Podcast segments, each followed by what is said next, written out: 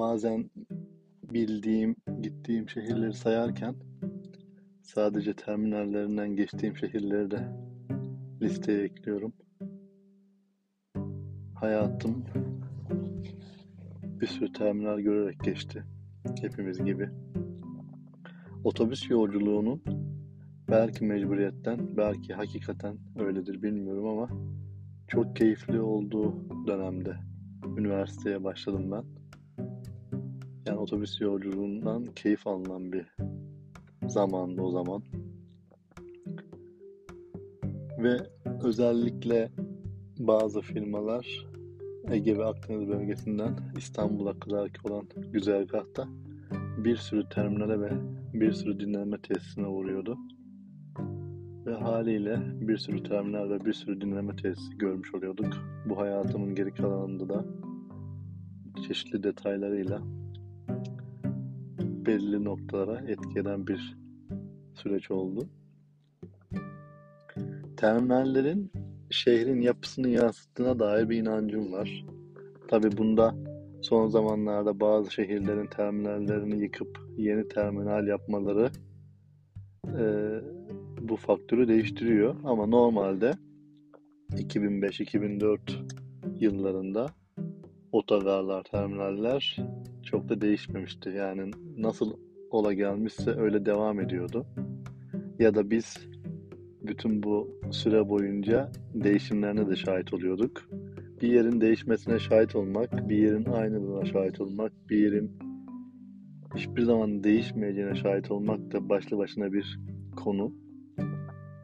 Terminallerin, otogarların, insanların, yazıhanelerinin, bağırışlarının, çağrışlarının çok film tadında çok romantik bir e, algısı ve tınısı var. E, bunların yanında, bunlar zaten güzel, bunların yanında terminallerin yapı olarak, fiziksel ve ruhsal olarak şehrin dışında olmasına rağmen, şehirden uzak olmasına rağmen ki şehrin içinde de terminaller gördüm.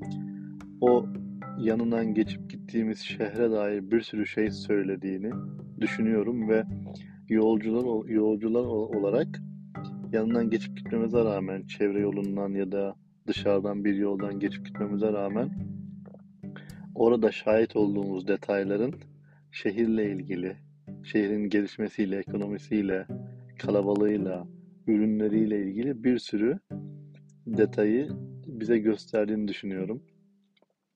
Mesela toplamda İzmir'de iki defa, üç defa İzmir'de bulunma ve gezme şansım oldu ama bir 15-20 kez İzmir'in terminalinde e, kolumda valiz ya da sırtımda valiz, kucağımda babamın annemin hazırladığı domates sandığına koyulmuş çeşitli sebzelerle üçüncü kattan ikinci kata indiğimi ya da işte kod farkından dolayı orayı böyle çok büyük bir yer olarak kafamda kurduğumu oradaki taksicilerin oradaki e, yazıhane görevlilerinin bağırışlarını hiç unutmuyorum.